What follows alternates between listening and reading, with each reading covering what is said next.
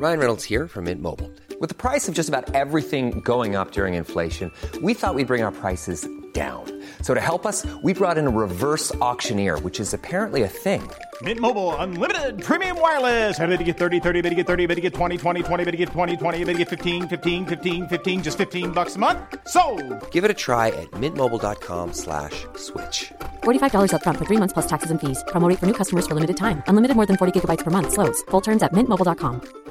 Planning for your next trip? Elevate your travel style with Quince. Quince has all the jet setting essentials you'll want for your next getaway, like European linen, premium luggage options, buttery soft Italian leather bags, and so much more. And it's all priced at 50 to 80% less than similar brands. Plus, Quince only works with factories that use safe and ethical manufacturing practices. Pack your bags with high-quality essentials you'll be wearing for vacations to come with Quince. Go to quince.com slash trip for free shipping and 365-day returns.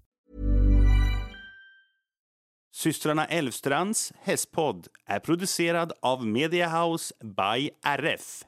Hej allihopa och varmt välkomna till systrarna Älvstrands hästpodd avsnitt 96. Hej hej och välkomna och glad Lucia får vi väl nästan säga för nu är det ju dagen efter Lucia. Mm, det är det. Och jag som pratar nu heter Emma. Och jag som pratar nu heter Anna och välkommen till vår podd som handlar om hästar och allt som har med ridsporten att göra egentligen. Mm. Vad känner du inför Lucia Anna? Är det någonting som du firar? Eh, Nej, kanske inte så mycket längre men jag får ju erkänna att jag, jag saknar lite hur man hade det i skolan. Ja, alltså jag älskade Lucia i skolan. Mm. Och eh, både du och jag, vi är ju riktiga sångfåglar. Så vi, jag älskade ju när man fick göra sådana här juluppträdanden i skolan och ha Lucia-tåg och julspel och allt vad det var. Så det är verkligen någonting som jag kan sakna som vuxen. Det är ju jag också och jag har ju uppträtt på jättemånga Lucia-tåg och jag har ju gått i estet där jag sjöng och då har vi ju också haft en massa Lucia-tåg.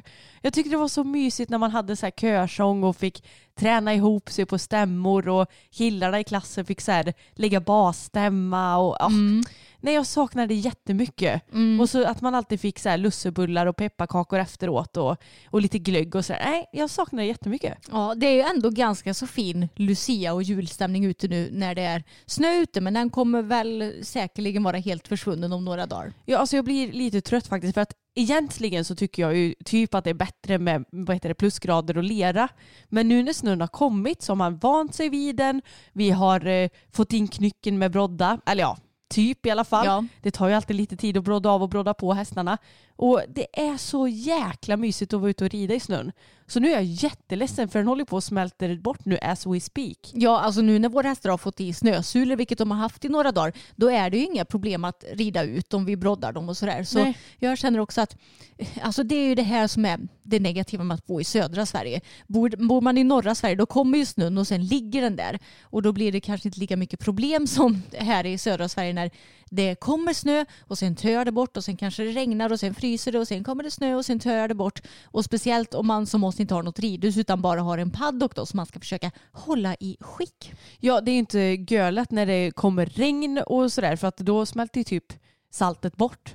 Så ja, nej, det är lite tråkigt men det är ju vad det är. Vi kan ju inte påverka vårt väder. Nej, men jag tror att vi kommer få en grön jul. Det känns lite så.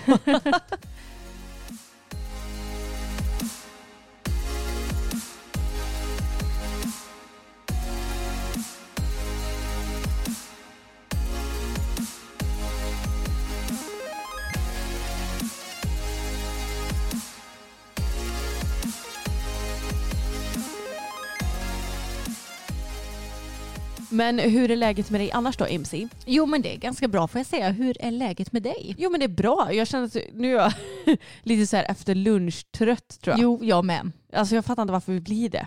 Nej men alltså så har det nog varit eh, hela mitt liv tänkte jag säga. Alltså så länge jag kan minnas i alla fall. Ja, vi hade ju säkert kunnat varit, ibland kan man ju få upp så här barn på typ Insta reels eller sådär som sitter och äter mat och så somnar de i maten samtidigt. Det är ju typ du och jag. Ja och speciellt jag förr i tiden när jag inte medicinerades för min hypotyreos. Alltså ni ska bara veta vilket helvete Anna hade med mig då. Ja men alltså det, det slog mig nu när du sa det att du klagar ju inte alls så mycket längre. Nej. Förut så var det bara, jag är så trött, jag är så kall, jag är så trött, jag är så kall. Och jag bara, jag vet. Ja, alltså jag la ju mig typ i min säng efter att vi hade ätit lunch förr i tiden. Och så kom jag ju knappt därifrån. Nej. Nej, alltså den tröttheten som du har när du har hypotyreos eh, som inte är medicinerad så att dina sköldkörtelvärden är alldeles för dåliga. Alltså den går inte att beskriva. Är det, är det som att vara gravid tror du? Då ser man ju också att man blir väldigt trött. Jag tror att det är värre att ha en sjukdom än att vara gravid om jag ska vara ärlig. Kanske. Vi har ju inte Ja. varit det själva så vi, Nej. vet ju inte. Nej jag vet, men om du är gravid så är det åtminstone självvalt tänker jag. Det är faktiskt sant. Nej, så mm, ett litet tips till er som kanske går omkring och är extremt trötta och frusna, för det är inte normalt att vara extremt trött och frusen. Nej. Det är att kolla upp er sköldkörtel, för det kan ju vara så att värdena på den är dålig, vilket kan göra att man kan må väldigt dåligt. Så det kanske du, eller du mår väl visserligen bra, men eftersom jag har eh, alltså hypotyreos, det kan ju också vara ärftligt. Ja. Ja. nu är inte du mitt barn då, men vi delar väl ändå samma gener. Så.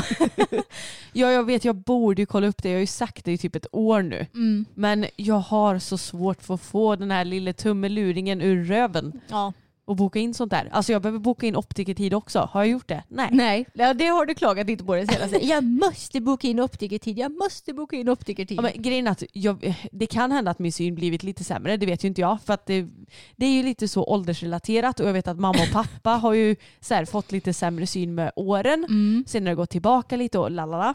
Så att jag behöver ju kolla upp synen för allas skull. Mm. Så att jag inte är någon fara i trafiken Nej, och sånt där. precis. Och så att du kan. Men har du på dig dina glasögon när du jobbar framför datan? Ja, jag har dem ju liggandes där som du ser. Jag ser att de ligger där, men jag undrar om du använder dem? Ja, men det har jag. Ja, du gör det. Ja, det var att det är så sjukt obekvämt att podda med glasögon också. Mm. För att då, då sitter de och trycker på bågarna så. Eller Ja. de här eh, lurarna vi har på oss.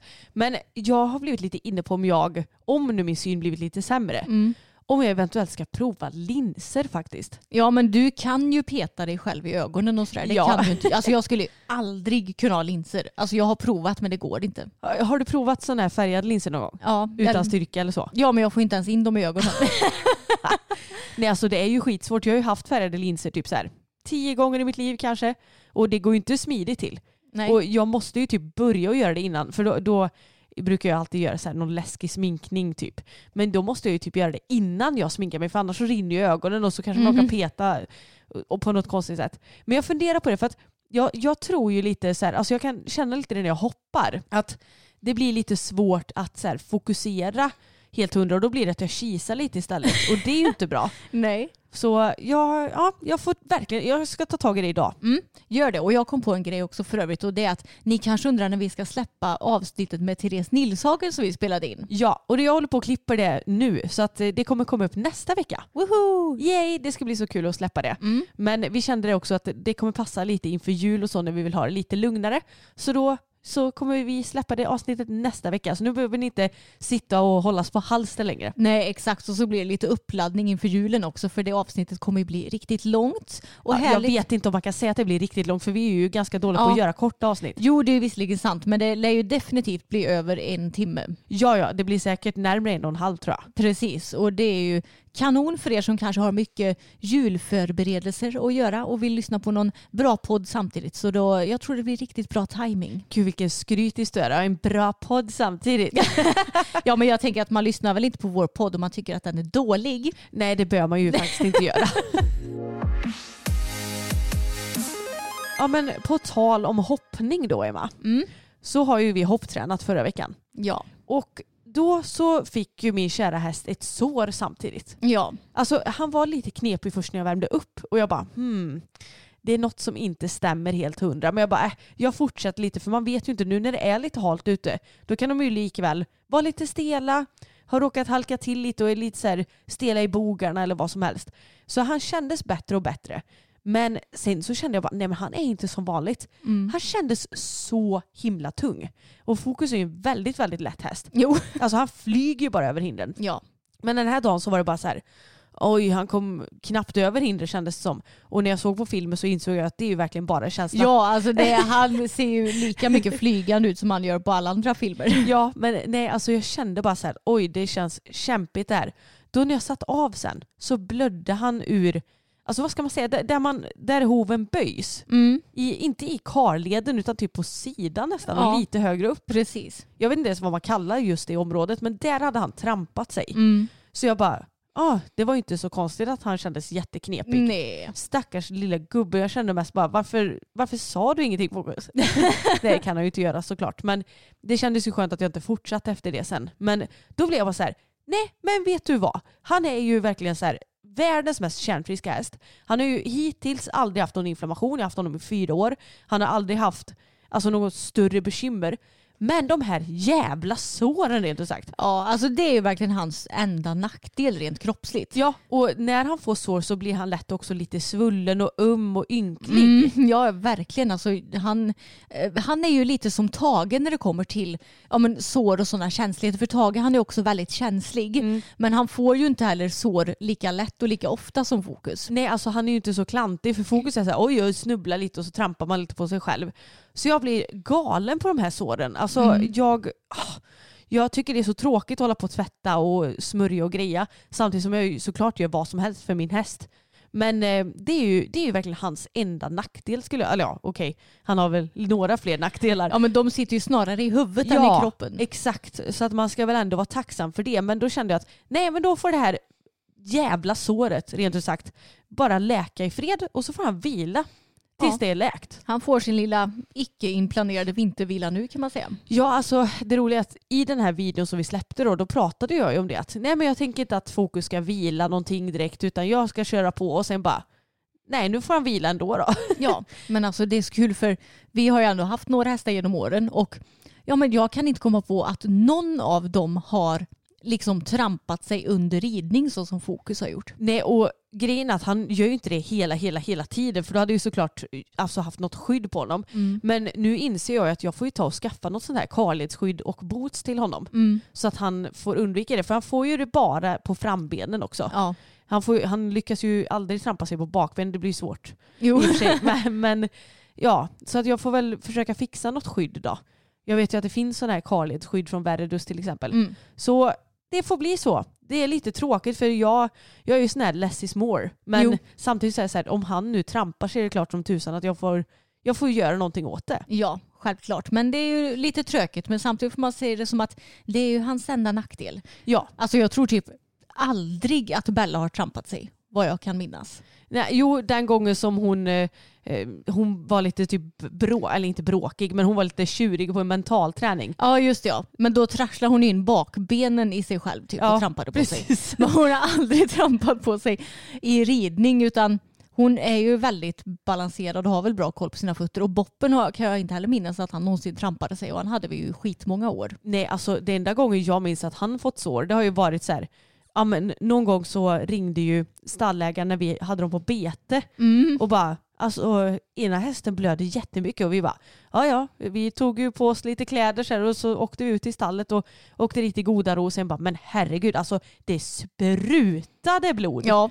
ur hans framben. Och pappa bara, "Nej, vi får nog komma hit i natt och se till så han inte har tuppat av av blodförlust typ. Så illa tror jag inte att det var men det Nej. såg ju jättebrutalt ut. ja det var väl typ uppe vid armhålan nästan. Fast Ja. på insidan av benet. Ja alltså typ där så här kastanjen sitter nästan tror jag. Ja, jag fattar inte hur jag lyckades få det där såret. Nej jag har ingen aning om det heller för att det kan ju inte vara någon här som lyckas sparka där på insidan. Nej. Så jag vet inte om det var något vasst som han skadade sig på men vi letade i hela hagen och hittade ingenting. Så det minns jag jättetydligt att det bara alltså fullkomligt spruta blod. Mm. Och det sjuka är att Boppen, jag vet inte om han är en jäkla viking eller någonting för att vi höll på och torkade rent det här såret och tryckte typ lite på det för att stoppa blodflödet. Mm. Han bara stod så här. Jaha, då då? Alltså fokus hade ju typ bara Åh gud, aj, hjälp Mm. mig. De är så himla olika. Ja, Fokus och Tage är lite mer drama queens. Japp. Och eh, ta, eh, Boppen och Bella, de, det är de svenska vikingarna. Ja men det måste ju typ vara så. Ja men jag tror det. Men ibland fattar jag inte hur de lyckas för att det var ju samma sak för typ tre år sedan när vi skulle ha så här, eh, alltså helgträning för Miranda skulle komma till oss. Och jag var så taggad, bara gud vad kul det ska bli att träna två dagar i rad. Fokus eh, ska utvecklas så mycket den här helgen. Och så kommer han in och så har han ett sår uppe vid typ där bogen blir till alltså framsida bog. Mm. Alltså precis där benet övergår till bog typ. Ja. Och jag bara, men gud. Då var det också så här, jag tittade ner från benen och bara, han är lite röd där och han är lite röd där. Och så tittade jag bara längre och längre upp och bara, men gud vilket sår. Det sprutar ju inte lika mycket blod som hos boppen. Nej. Men då var det också så här, jag letade hela hagen och vi har ju så här fyra hektar mark att leta på. Mm. Hittade ingenting som man kunde skada sig på. Nej. Och det var ju garanterat något som han hade skurit sig på. Så ibland är det mysterium med de här såren alltså. Ja det är det verkligen. Men om vi ska ta och snacka lite om helgen då kanske Anna. Ja men det tycker jag vi ska göra. Mm, jag har ju tävlat med Bälsan Gnällsan. Årets sista tävling och det var ju då klubbmästerskapet i dressyr som jag hade sett fram emot länge. Ja, trodde du att du skulle gå in och köra en grand slam och vinna eller? Nej, nej, jag trodde inte det men jag hade ju förhoppningar och jag visste att om vi hade en bra dag så skulle vi kunna göra det. Ja. För jag tycker ändå att hon är så pass fin nu och hon är i så pass bra form. Och sen så vet jag att vi är några stycken som ja, men ligger på ungefär samma nivå så att det, det var ju ändå tuff konkurrens och fler starter än på hoppningen. Eh, så jag visste om att det skulle inte bli lätt men jag visste att vi hade möjlighet att vinna. Ja, men eh, hur gick det nu då? Ja men alltså, vi, vi kan ju ta det lite från början. Och Bella hon har ju varit Alltså en liten kärringhäst nu det senaste. hon, hon är ju ett sto och hon har mycket humör. Och eh, nu det senaste så har hon haft kanske lite mer humör än vanligt. Och eh, jag märkte på förra hoppträningen, hon var superfin när vi hoppade.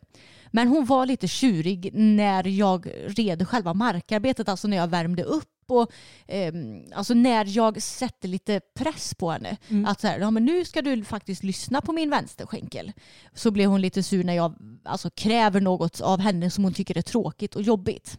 Och av den anledningen så gjorde jag faktiskt som så att jag hade egentligen tänkt rida dressyr på fredagen innan tävlingen och tävlingen var på söndagen.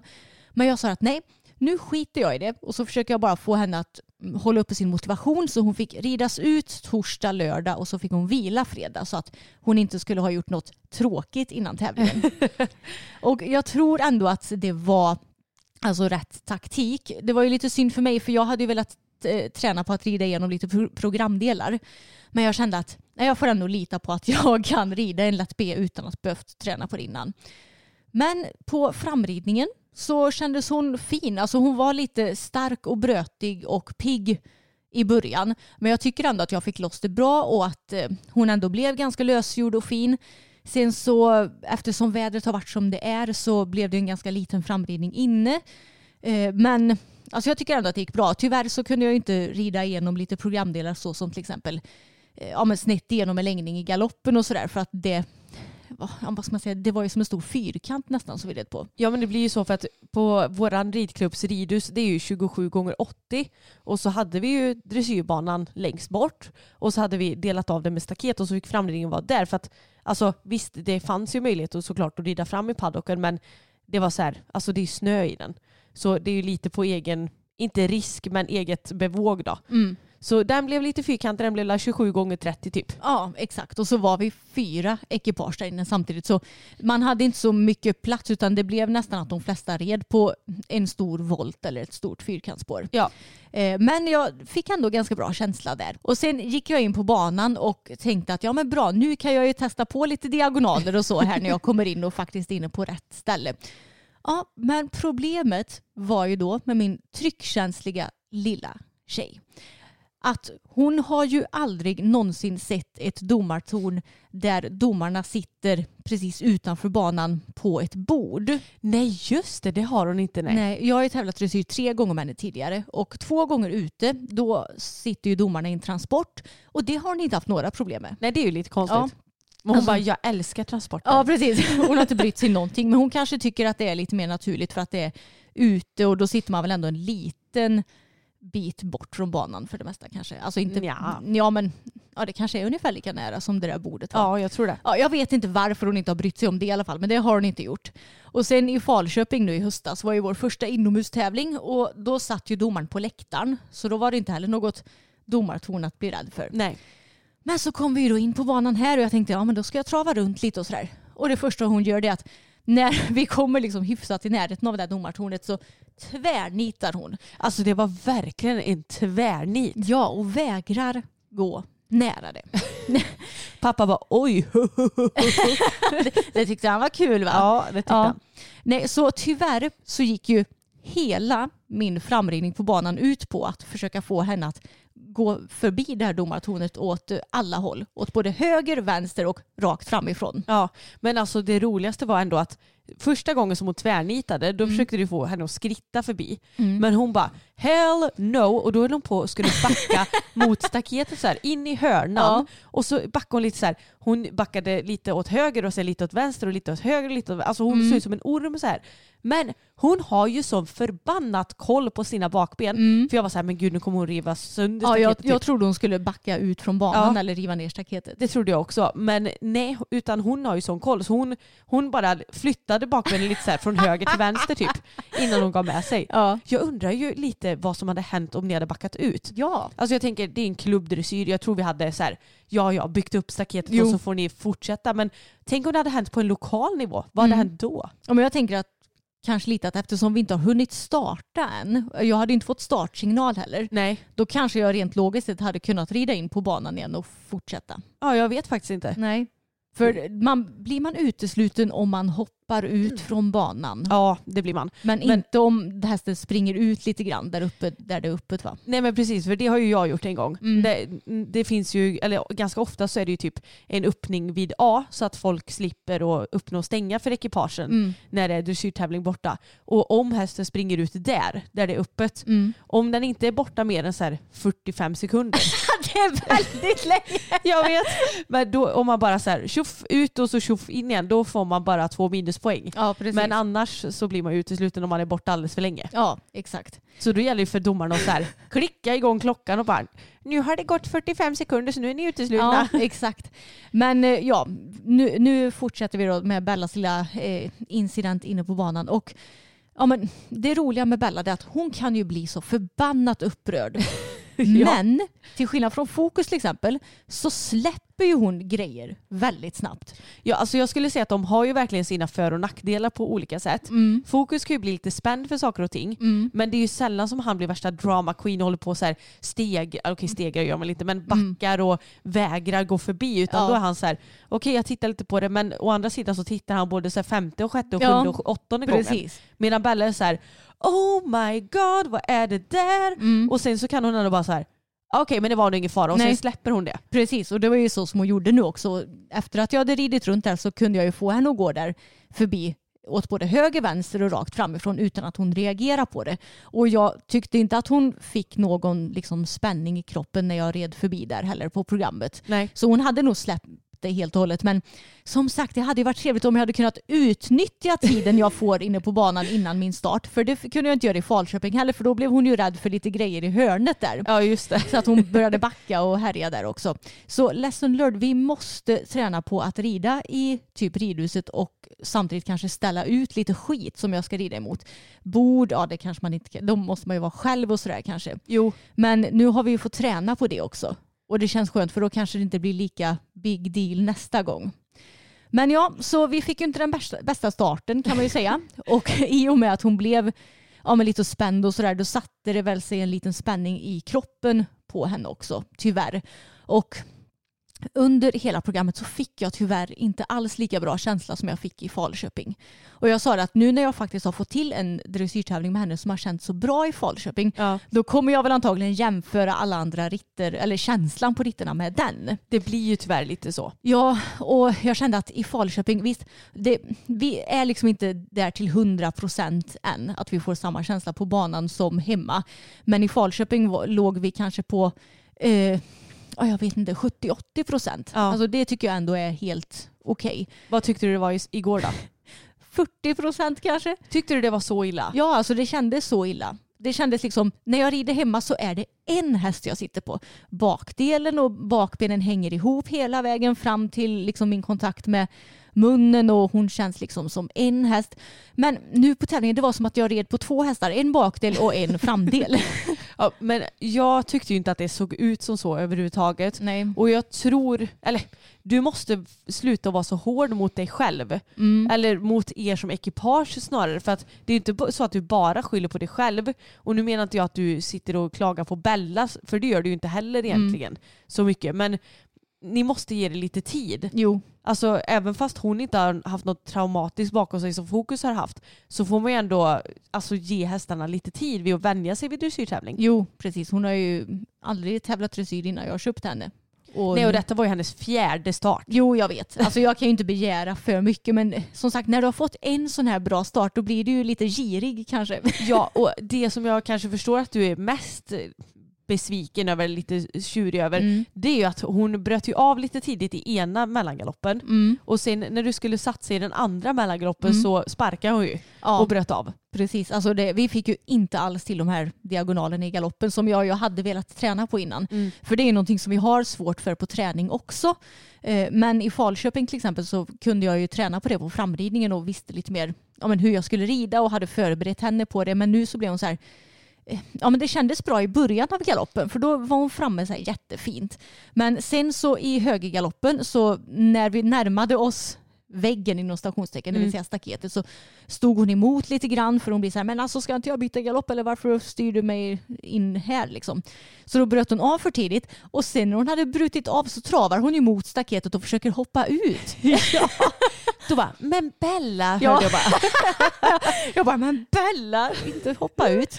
Eh, Hon är ju för rolig så man, man kan ju inte vara irriterad på en allt för länge. Nej och jag tror inte att det handlar om att Bella bara nu ska jag vara lite busig utan Nej, jag tror hon bara hon så här, ja, jag tror inte hon fattar hon försöker nog bara göra rätt. Mm. Så hon är så här, vill du att jag ska hoppa ut då? Ja. Och du bara nej. Nej, nej, nej. För 17. Ja, men sen så fick vi ju ändå ihop paketet till vänstergaloppen och vi, det ska tilläggas att vi fick väldigt bra poäng i galoppen på både fattningarna och volten och sådär.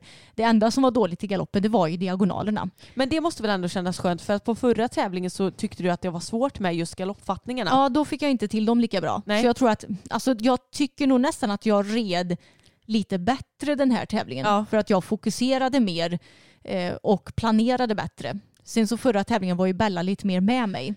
Eh, Så om hon hade varit lika med mig på den här tävlingen så tror jag det hade kunnat bli riktigt bra. Eh, Men sen i vänstergaloppen då, då tänker jag ja, nu är det sista galoppen, nu jäklar ska jag satsa, nu kör vi. Och det kändes så bra de första sprången och sen så tänkte jag nu kommer igen nu Bella, nu fortsätter vi galoppera hela vägen. Nej men då blir hon ju sur på sin jävla jobbiga matte. Så då sparkar hon och sen bryter hon av till trav och jag tänkte det är ju absolut ingen idé att fatta galopp här igen. Nej, och hon gjorde ju det redan vid X. Ja. Så då fick, du, då fick du ju dåligt poäng på mellangaloppen Ja. för hon visade ju knappt någon och Mm. sparkade Ja. dessutom. Och sen så fick du ju dåligt poäng på avbrottet för det Mm. blev ju alldeles för tidigt. Ja exakt. Det är ju det som, alltså det kan ju straffa sig ganska mycket med sådana stora missar. Mm, exakt. Men samtidigt så tycker jag också så här, du ska ju våga satsa. Ja. Alltså hon ska ju ta det också. Mm. Så jag tror bara att det är en vanesak från er båda. Ja, precis. Eh, Så hon var inte riktigt på humör, det kan man ju sammanfatta det hela som. Ja. Men eh, jag blev ju väldigt förvånad när, när jag fick se poängen. För vi har ju fått ja, men generellt liksom i snitt kanske sjuor på det allra mesta. Mm. Vissa sju och en halver till och med någon åtta. Mm. Och eh, det vi har fått dåligt på det är egentligen de här större missarna. Som eh, ja, men i galoppen då till exempel. Ja, men så är det ju. Alltså, Mm. Jag kollar igenom lite här. Arbetsgalopp, ja just det, ja, du, du fick en åtta på den. Mm. Eh, och sen så har du fått många sjuor och några sju och en halvor. Mm. Eh, och sen så har du fått, ja du fick ju en fyra på den mellangaloppen när, Mm. hon, när hon sparkade. och sen så, vänta vart var den första mellangaloppen? Jag tror jag fick en sjua på första mellangalopp Ja, men så, eftersom hon bröt av för tidigt och höll på att hoppa ut så fick jag lite mindre poäng på den övergången. Det stämmer ja. Just det, men du fick ju en åtta på själva fattningen på andra sidan. Ja. Alltså det är ju jätte, jättebra. Ja, verkligen. Och du har ju fått fina poäng på gångarter men sen har du fått 6,5 på framåtbjudning för att jag tror att domaren tyckte att hon var lite springig. Ja, men alltså det är lite det här som är grejen också som jag har känt av. För i framåtbjudnings delen i, den, i det allmänna intrycket så ingår det också elasticitet. Ja. Alltså över ryggen och hur de arbetar med ryggen. Och det är det lite som jag känner på tävling att hon tappar tappar liksom lite ryggen. Hon använder mest benen och inte Ja. så mycket hela kroppen. Nej precis och jag tror att det är det som gör att det känns som att jag har rider på två hästar, en bakdel och en framdel för det hela paketet hänger liksom inte ihop med ryggen. Nej, men det kan ju hända, ja, nu kunde du ju inte göra så mycket åt själva alltså, förridningen Mm. innan programmet och innan domaren blåste igång det eftersom Mm. hon var som hon var. Men nästa gång om hon är lite lugnare med miljön och så, Mm. då kanske du ska ta och göra lite övergångar innan Ja. för att få ihop henne lite mer. Precis, för jag skulle vilja att hon vilar lite bättre på steget inne på banan. Ja. Nu blir det att hon pinner, pinnar på lite grann. Liksom. Och samma i mellantraverna. Hon kan egentligen alltså, länga fint och vila på steget. Men alltså, hon bara sprang snabbare nu. Och det är ju också ett tecken på att inte elasticiteten i ryggen riktigt sitter där. Ja. Och lösgjordheten. Men eh, ja, ja, det är bara att träna vidare. Jag vet att, eh, alltså jag tror att hon kan bli riktigt fin på dressyrbanan också. Hon är ju redan fin. Hon får ju, har fått bra poäng av alla fyra domare som som jag har ridit för. Så de ser väl något annat än vad jag känner och ser. ja, och domaren igår gav er mycket beröm också. Ja, precis. Hon sa ju det när hon delade ut priser. Ja, det var synd att hon sparkade där. Ja. Och ja, det är, Det är en jättefin häst sa Ja, hon precis. också. Så hon, Bella får ju väldigt mycket beröm och hon är ju en väldigt trevlig häst. Men när jag vet att hon har egentligen bättre lösgjordhet, hon har egentligen bättre elasticitet och allt vad det nu är.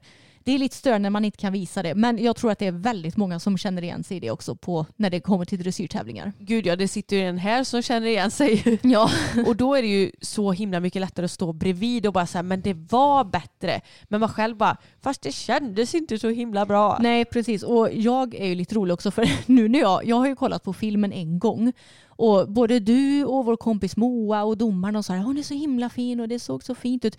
Men när jag kollar på den här ritten jag bara nej men det ser ju inte så jävla bra ut. Alltså jag, jag ser nog på mig själv och min ridning och även kanske mig och Bella som ekipage. Jag ser nog på oss lite med svartare glasögon än vad andra gör. Ja och det är ju inte heller så hälsosamt Nej, faktiskt. jag vet, men ja, jag vet inte. Det är lite störande och jag tror att jag har blivit lite girig också nu när jag har fått Bella. ja, men grejen med Boppen är ju att eh, Eh, vi hade ju inte de bästa resultaten på tävling för att det var ofta så här, någon bom ner och när man tävlade dressyr så visste vi aldrig hur domarna dömde honom för det var ju många som dömde ner honom på grund av hans typ av häst och i den formen han gick i. Så det kunde ju skilja hur mycket som helst beroende på vilken domare som dömde. Ja alltså vi kan ju tillägga att han gick ju typ inte, alltså vi, vi skulle nog fått kämpa väldigt väl om vi hade velat eh, trycka ihop honom i någon form av eh, bakom lodform. Ja. det, jag vet inte ens om det hade gått Nej. talat. Utan han var ju ändå ganska öppen, en häst med lång hals Mm. och ganska lång kropp som var svår att få ihop men som vi ändå kände sen när vi tävl- tävlar lätt B, Mm. det ska inte spela så stor roll. Nej. Så vissa domare dömde ju ändå honom bra och vissa dömde honom jättedåligt tycker jag. Ja, precis. Och jag har ju inte upplevt det med Bellan utan alla har ju dömt henne alltså snarare med bättre poäng mot vad jag har trott att vi skulle få. Ja. Och, eh, ja, men, och med Bella samtidigt i hoppningen så har vi också fått väldigt bra resultat för hon är ju väldigt rolig och liksom,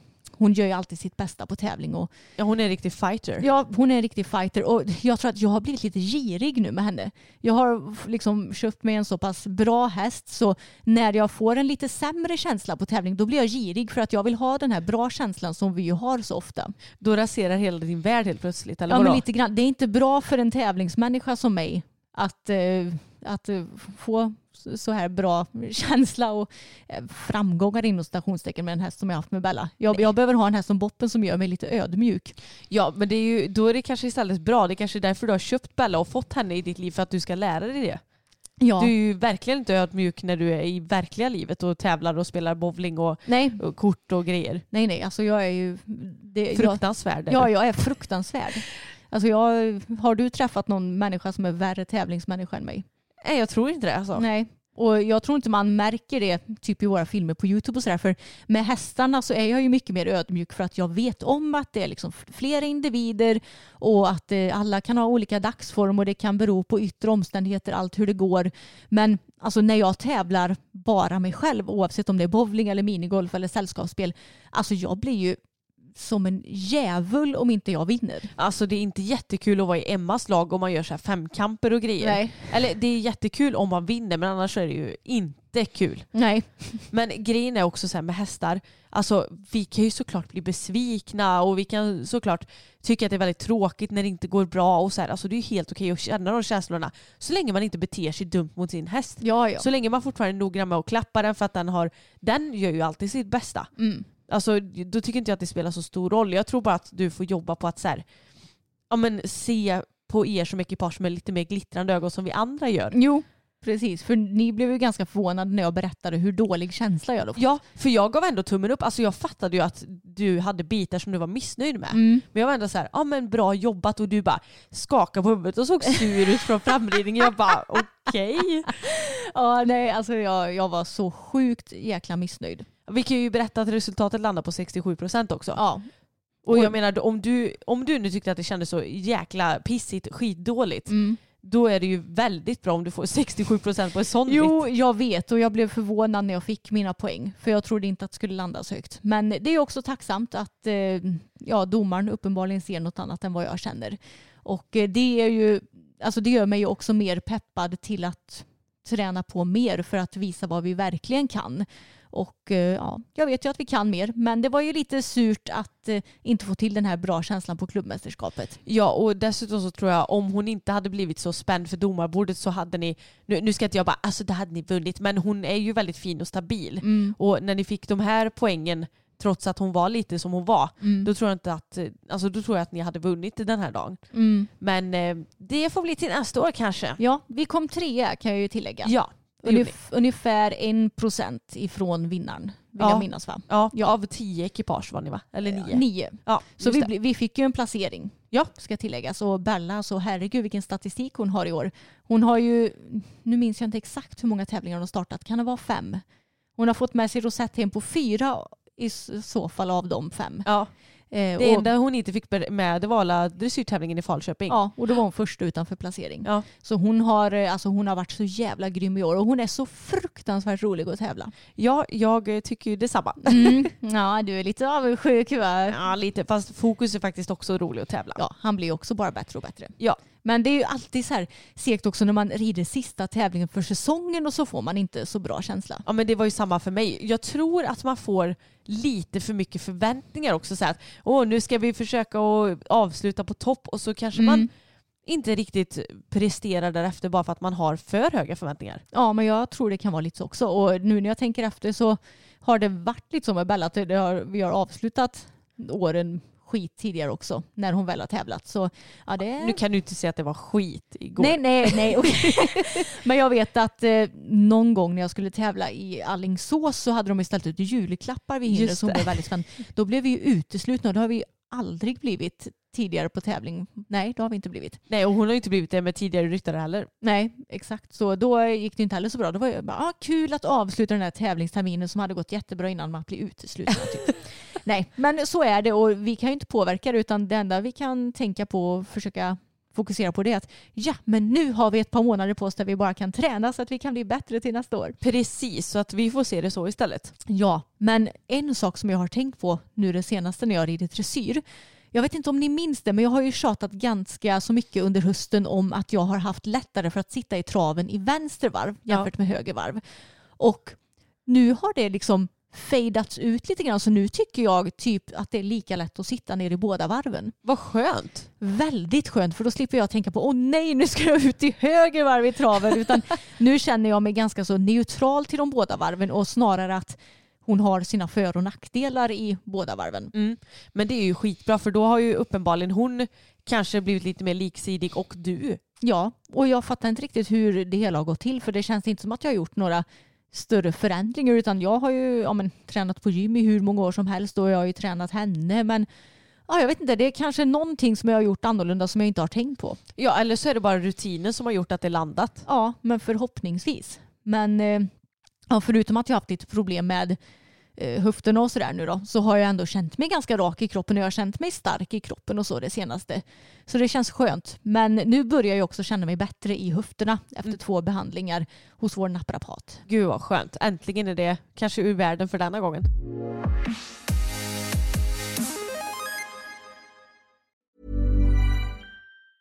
If you thought the only way to get a more defined jawline with natural looking results was through surgery, think again. Juvederm Volux XC is a non surgical injectable gel filler that improves moderate to severe loss of jawline definition and can help you achieve natural looking results with little downtime. Even better, this improved definition lasts up to one year with optimal treatment. No maintenance required. Improve jawline definition for a smooth, sculpted look with Juvederm Volux XC. For important safety information and to find a licensed specialist, visit juvederm.com. That's J U V E D E R M.com. Not for people with severe allergic reactions, allergies to lidocaine, or the proteins used in Juvederm. Common side effects include injection site redness, swelling, pain, tenderness, firmness, lumps, bumps, bruising, discoloration, or itching. There's a risk of unintentional injection into a blood vessel, which can cause vision abnormalities, blindness, stroke, temporary scabs, or scarring. Talk to a licensed specialist to find out if it's right for you. Ever catch yourself eating the same flavorless dinner three days in a row?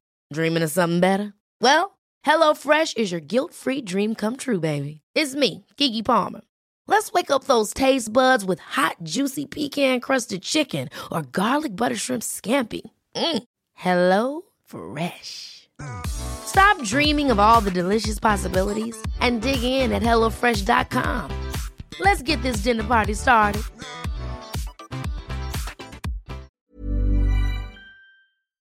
Ja men ni hästmänniskor som följer den här podden, ni kan väl ändå inte undgått att svenska hopplandslaget vann bragdguldet? Alltså så himla kul! Ja, Är det första gången något ridsport eh, ja, vinner det där? japp Ja. det är det. Och till alla gubbars förtret då, såklart. Ja men det är så kul och jag tänkte att, ja, de, har, att de har verkligen stor chans att vinna men jag tänkte också att Nils van der Poel kanske skulle vinna. Ja. Eh, och att det var väldigt jämnt mellan dem. Men det blev ju hopplandslaget och det blev jag väldigt glad över. Jätte, jätte, jättekul. Och alltså det är så kul när man kommer in så här. För att jag följer ju typ ingen så här Aftonbladet eller något annat på Facebook. Men alltid när det blir lite snack om saker då kommer ju ofta de upp som förslag så här. Ja. Eh, typ den här artikeln från Aftonbladet och så dyker det upp och så då kan jag ju inte låta bli att klicka på kommentarerna. Och alltså alltid när det är så någon häst, eh, infl- bla bla bla, då är det alltid så här "Äh, men hästen gjorde hela jobbet, varför får inte de priset? Och det är typ så här, ah, men Nils van der Poel då, han, eh, förtjänar förtjänade mycket mer än vad de gör. Man bara, men alltså det, det hade ju inte spelat någon roll vilken som hade vunnit det här priset så hade ju ni haft invändningar. Ja, precis. Och ja, men det som folk har skrivit främst nu är att det är väl ingen bragd att vinna guld när man har varit favoriterna och när man är topprankad i hela världen. Man bara, nej men ni har ingen koll på ridsporten. Alltså vem som helst som är typ så här topp 50 kan ju vinna. Det är väldigt stor skillnad på konkurrensen inom ridsporten och hur ridsporten fungerar jämfört med typ fotboll. Alltså inget lag som är på ja, men plats så här 60 till exempel eller på plats kanske ens 40 på världsrankingen Ja. skulle ju vinna eh, OS eller VM. Nej, och de förstår ju inte heller att det handlar inte bara om att du som ryttare ska vara i form. Det är, hästarna ska vara i toppform och matchade. Och alltså, river man ett hinder kan du vara borta. Alltså de, de förstår ju inte det. Och det är också det som blir så kul när man ska typ försöka övertala de här gubbarna att jo men eh, så här är det och de bara säger emot hela tiden. Det är ingen idé. Nej, precis. Ta bort det här priset. Det handlar ju inte om vem som har gjort den största bragden. Man bara, nej men alltså grejen är ju också att alla som är nominerade, de är ju alltså bäst i Sverige antagligen på sin sport. Ja. Och eh, har ju alla gjort väldigt stora prestationer. Och det blir ju, du kan liksom inte jämföra heller olika sporter med varandra. Det blir väldigt svårt på ett vis. Ja. Så ja, det, det är svår, alltid svårt när det är så här, såna här priser, sporter mot sporter. Och då kommer ju alltid någon som inte gillar hästsporten att eh, komma med såna här kommentarer. Eller vad det nu än kan vara. Men jag är i alla fall väldigt glad över att de vann och tycker att det var välförtjänt. Och nu blir jag så här, fan de kanske kommer vinna fler kategorier på idrottsskalan än vad jag trodde. Ja, det ska bli spännande att se om vi hästsekten har röstat tillräckligt mycket för att eh, Jerringpriset ska gå hem. Det tror jag och det är väl tyvärr, eller vad säger jag tyvärr, men det är väl det som eh, de här gubbarna Är rädda för. Är rädda för ja. det är kanske någon idé för när ridsporten är med så vinner de alltid. Och det är så kul nu att ridsporten vann ett pris som en jury har utsett Ja. och som inte bara vi andra hästmänniskor. Hästsekten. Nej, hästsekten har utsett exakt. Ja, och det är också det som jag tycker blir lite så här, haha, där fick ni. Ja. Alltså så här, jag, jag hade tyckt det varit kul vem som har vunnit för att jag är så här, alltså en jury Visst, de behöver väl inte alltid ha rätt kanske. För att ibland i Idol så tycker man så här att nej men nu har ni några konstiga åsikter. Ja. Nu har inte jag kollat på det programmet på flera år i och för sig. Nej. Men eh, ja, jag tänker att något vett har de ju. Annars så skulle de inte suttit som jury. Men eh, något som har gått i helgen nu Emma, det är ju Top 10-finalen i eh, Genève, säger Ja. man så? Har du sett det? Nej, ingenting faktiskt. Är det är ju för dåligt tycker jag. Jag vet, har du sett det? Ja, jag kom på det för att jag tror att det var Johanna Lassnack som la ut att hon tittade på den. Jag bara, men gud det är ju ikväll ja. Mm. Så att jag snubblade in precis när eh, Henrik von Eckermann red sin första runda. Mm. Och alltså King Edward, Ja. kan man få honom eller? ja, det hade inte varit fel. Nej, alltså han är helt, helt fantastisk. Eh, fantastisk menar jag. Men eh, det var faktiskt väldigt kul att titta på och något som jag faktiskt la märke till, för de, då rider de ju först en grundomgång eller vad man nu ska kalla det och sen så rider de en omgång två och den är ju ändå ganska tuff omgång två. Det är Mm. inte bara så här en omhoppning på fyra hinder utan jag tror att ja, men den som red snabbast red nog på vad var det, 49 sekunder ja. Så det var en tidshoppning omgång två eller? Ja men precis. Det var väldigt spännande för att den som blev trea, han heter, nu ber jag om ursäkt för eventuella uttal här nu då, Jérôme. Gury? Jérôme Guéry Jérôme Gury. från Belgien va? Precis. Mm. Jag är ju så bra på franska. Men han i alla fall, han kom trea och det var tydligen hans debut i topp 10 för att han har väl inte varit inom topp 10 innan Mm. tydligen. Men något som faktiskt hände på honom det var att i hans andra runda så försökte han trycka av hästen på en mur Mhm. och den bara okej jag hoppar för du säger att jag ska göra det. Vevade sen med frambenen du vet Ja. och rasade typ hela muren. Nej men gud. Och alltså det är väl inte kul att någon gör misstag Mm. men det känns lite skönt att de som faktiskt ligger topp 10 i världsrankingen i hoppning Mm. också kan göra fel. Ja, men det ser man i, faktiskt ibland titt som tätt att det Mm. blir sådana misstag i hoppningen också. Och så länge inte någon häst eller ryttare skadar sig så är det ändå nyttigt för oss amatörer att se. Ja men eh, gud, det gick jättebra. Det var inte så att de skadade sig överhuvudtaget Nej. någon av dem utan det var bara så här, en rejäl rivning på muren. Ja. Men det kändes så skönt för mig för speciellt just nu har jag faktiskt väldigt dåligt självförtroende i hoppningen.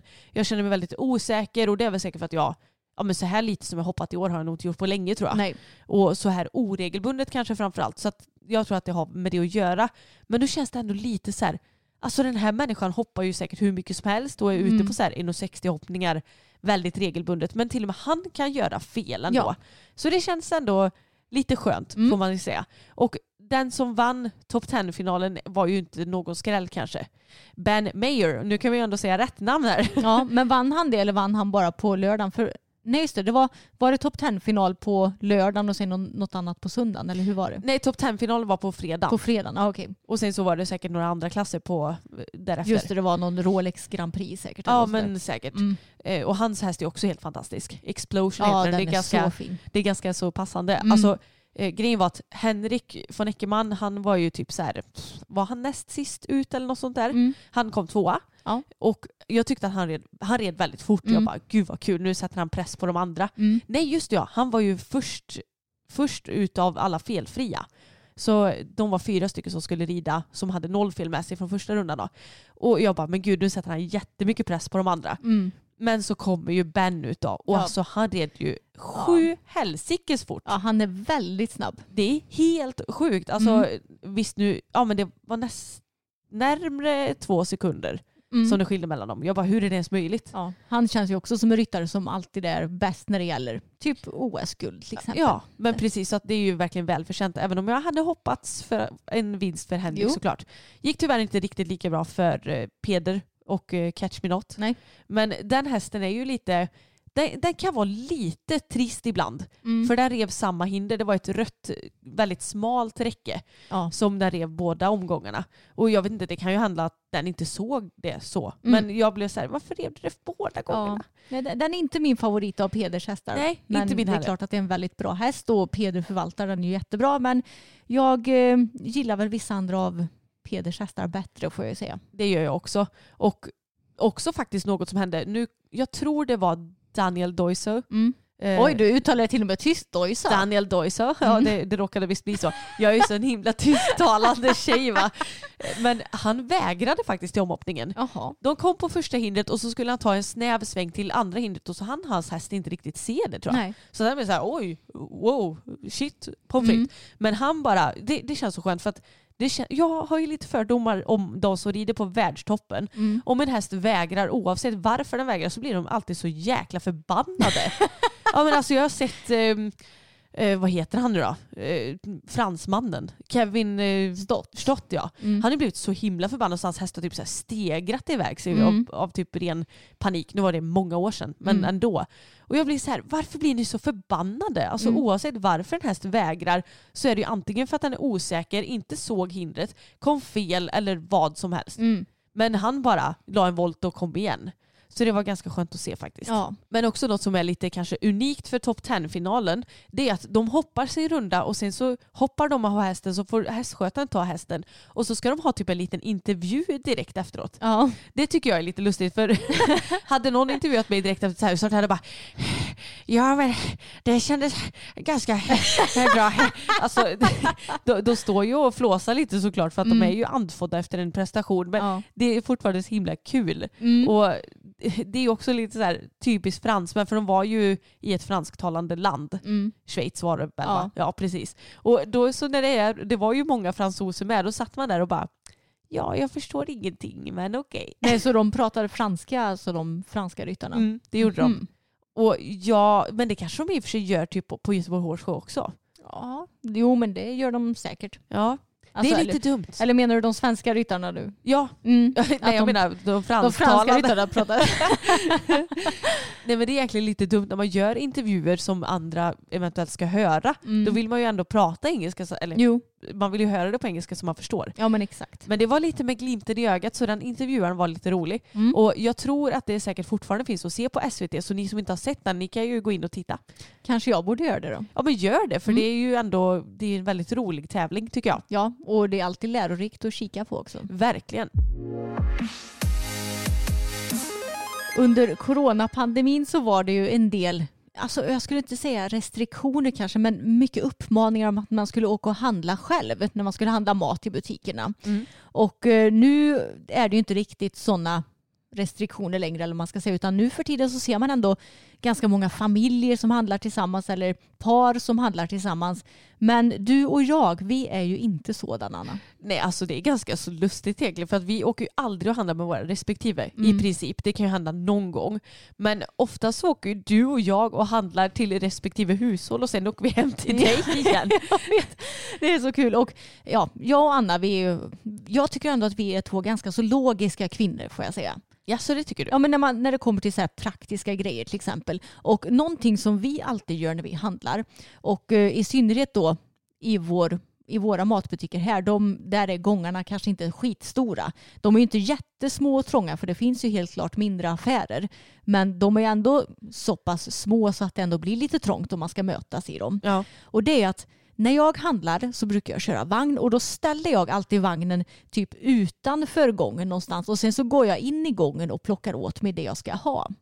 Jag gör precis likadant och vi självskannar ju också. Mm. Och det, då tycker jag att alltså, det är nästan osmidigt att ta en korg då. Så vi tar ju nästan alltid en sån stor kundvagn. Ja, Och då tycker jag, jag tycker att det är smidigare att låta den vara parkerad någonstans och så kan man gå in och plocka. ja, och ett störningsmoment som jag har i butiker nu då, eller nu, det har jag väl egentligen haft. Alltid. Ja, alltid. Det är ju folk som tar med sig vagnarna in i de här gångarna. Ja, jag vet. Det tar upp så mycket plats. De är alltid i vägen om man själv ska förbi där. Det går ju inte att mötas eller med två vagnar en gång. Och dessutom så är det ju så himla många äldre par där det är så, och en gubbe som står lite i vägen där och sen Ja. är det en stor vagn i vägen. Och, Och så ska de gärna stå och titta så här. Åh, vilken sojasort ska jag ta? Och så står de typ och glor i en kvart. Man bara snälla, Ja. du och jag vi har ju ändå vi vi, kanske är lite tråkiga men vi handlar ju ganska så ofta typ samma saker. Mm. Vi har ju ganska bra koll på vår butik. Mm. Vi vet vad vi ska ha. Vi skriver upp exakt vad vi behöver handla. Mm. Vi planerar vilka maträtter vi ska laga i veckan. Så vi är ju väldigt förberedda. Ja. Men det känns inte som att alla har den taktiken. Nej, och jag stör mig väldigt mycket på folk som tar med sig sin vagn överallt i hela butiken när det inte finns plats för det. Och för mig som ändå tänker logiskt så tänker jag att kan du inte bara lämna vagnen? Du ska ju sällan ha så här tio grejer på en och samma gång. Precis. Utan det är ju, och det är ju oftast inte heller några tunga grejer heller som är i de här gångarna utan det, du kan ju gott och väl bära dem själv. Och då behöver du inte heller ha någon vagn som är i vägen. Alla kan komma fram smidigt åt båda hållen. Men eh, alla tänker nog inte likadant som oss. Nej men jag höll ju på att smälla av för några veckor sedan när jag var i Mm. butiken. Alltså jag kan få kli i kroppen när jag ser folk sätta sina ungar i de här korgarna som man kör runt i. Ja. För jag vill inte ha, om den ungen har trampat i någon kattbajs eller hundbajs på vägen Mm. och så lägger jag mina matvaror där, det, det tycker jag inte är okej. Nej, det är respektlöst som fan. Ja men det kan ju å andra sidan inte jag hålla på och klaga på för jag är inte någon butikschef. Nej, då får ju de som är i butiken säga åt dig i så fall. Ja men alltså hade jag ägt en butik så hade jag bara inga barn i korgarna. Och jag tycker inte att det ska vara några barn som sitter i själva vagnen heller. Nej. Det finns ju de här eh, små stolarna. Mm. Och det är ju en grej. Mm. För då är det ändå gjort för att här ska barnet sitta. Ja. Men man ser ju också väldigt ofta folk, eller barn sitta i själva vagnen. Och för några veckor sedan när jag precis kommer in, då kom man direkt till frukten i vår butik. Mm. Då ser jag en unge som sitter och suger på vagnen. och sitter och slickar på så här stålet på vagnen Ja. och su- suger på det. Åh, vad fräscht. Jag kände bara ett, i de här tiderna. Två, hon sitter och slickar på vagnen. Tänk om jag får den vagnen någon gång Mm. nu. Och tre, alltså de kommer ju typ få någon jävla sjukdom här hemma nu. Ah, alltså barn kan vara så himla äckliga ibland. Men Ja. herregud det var säkert jag också. Du drack ju O'boy inom citationstecken Mm. ur en vatten, lervattenpöl när du Ja, var ja. liten. Jag låtsades att det var O'boy. Ja. Mm. Så att jag säger inte att vi är några perfekta barn överhuvudtaget. Det var Men- vi antagligen inte. Men det kanske är barn som denna som aldrig blir sjuka. För vi blev ju typ heller aldrig sjuka. Vi utsatte väl oss för tillräckligt mycket bakterier för att inte bli sjuka. Det kanske är sig sant. Men jag Mm. tyckte åh, det såg så sjukt äckligt ut. Ja men det är äckligt. Så kan vi alla komma överens om att om man ska ha med sig barn i butik så får det antingen sitta barn i den här stolen på Där det vagnen ska vara. eller så får den gå bredvid eller vara i någon vagn bredvid. De ska inte sitta i vagnarna eller i korgarna. Nej men jag tycker inte det. Inte med skor, och, eller ja, kanske inte utan skor heller i och för sig. Nej. Nej men jag, det blir ohygieniskt. Det är ändå mat vi handlar. Ja exakt, Nej, jag fattar inte. Men jag tror det beror ganska mycket på lathet också föräldrar, hos föräldrarna. Tror du inte det? Kanske. Ja. Jag vet inte. Jo men jag antar det. Ah, det blir lättast om vi sätter dig i vagnen här. Kom nu lilla Lisa och hoppa in här så har vi koll på dig. Ja, för jag kan inte minnas att vi åkte runt i vagnarna när vi var små. Nej, för vi har vettiga föräldrar som fattar att vi inte ska sitta i vagnarna. Men det känns inte heller som att det var någon grej. Fast Nej. i och för sig när vi var små så fanns det ju inte några sådana här rullkorgar. Nej. För det har ju verkligen utvecklats. Då var det antingen så har du en kundvagn eller så har du en korg som du bär. Ja. Nu finns det ju rullkorgen. ja, alltså jag vet inte hur många gånger jag har sett på sociala medier heller föräldrar som lägger upp bilder på sina barn som Ja. sitter i de där jävla korgarna. Och så bara, åh titta vad gulligt. Man bara, nej, det Nej. är inte gulligt. Det är äckligt. ja, okej. Men så inga barn i vagnar eller korgar och eh, håll vagnarna utanför eh, vad heter det, gångarna. Så Ja. länge det inte är en riktigt stor butik. Typ så här Ica Maxi Alingsås där gångarna är hur breda som helst. Ja, inga problem. Nej. Men om gångarna är typ, ja hur stora kan de vara? Två meter kanske breda. Ja, kanske. Då ska det inte in några vagnar där och köras. För Nej. det, Och snälla Krångligt. slicka inte på vagnarna heller. Vad är det jag gör ni som lyssnar? Kanske ska ta mig lite smakprov i veckan.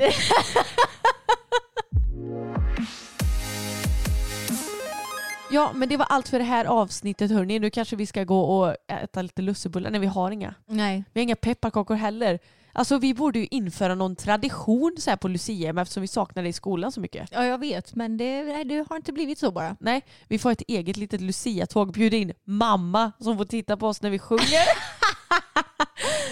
Hon hade säkert eh, spelat med och tyckt att vi varit jätteduktiga. Antagligen. Mm. Hon hade bara wow det här är det mysigaste luciatåget jag någonsin varit på. Mm. Inte. Nej. Nej, men vi tackar så mycket för att ni lyssnat på dagens avsnitt. Glöm inte att prenumerera om ni inte redan gör det. Och ni får gärna spana in vår YouTube-kanal för då får ni ju se Emmas och Bellas ritt. Och den kommer ju komma upp imorgon va? Ja, Ja. så får ni se om det var lika, lika katastrofalt som jag tycker eller inte helt enkelt. Eller om ni håller med, med mig lite mer, att det inte var så farligt. Lite mer rosa skimrande. Precis.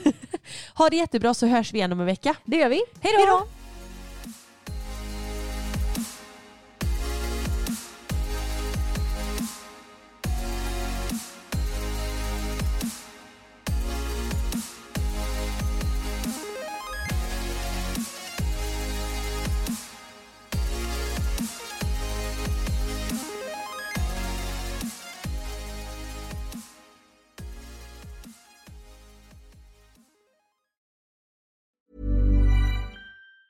Planning for your next trip? Elevate your travel style with Quince. Quince has all the jet setting essentials you'll want for your next getaway, like European linen, premium luggage options, buttery soft Italian leather bags, and so much more. And it's all priced at 50 to 80% less than similar brands. Plus, Quince only works with factories that use safe and ethical manufacturing practices. Pack your bags with high-quality essentials you'll be wearing for vacations to come with Quince. Go to quince.com slash trip for free shipping and 365-day returns. Hold up. What was that? Boring. No flavor. That was as bad as those leftovers you ate all week. Kiki Palmer here, and it's time to say hello to something fresh and guilt-free. Hello Fresh. Jazz up dinner with pecan-crusted chicken or garlic butter shrimp scampi. Now that's music to my mouth. Hello Fresh. Let's get this dinner party started. Discover all the delicious possibilities at hellofresh.com.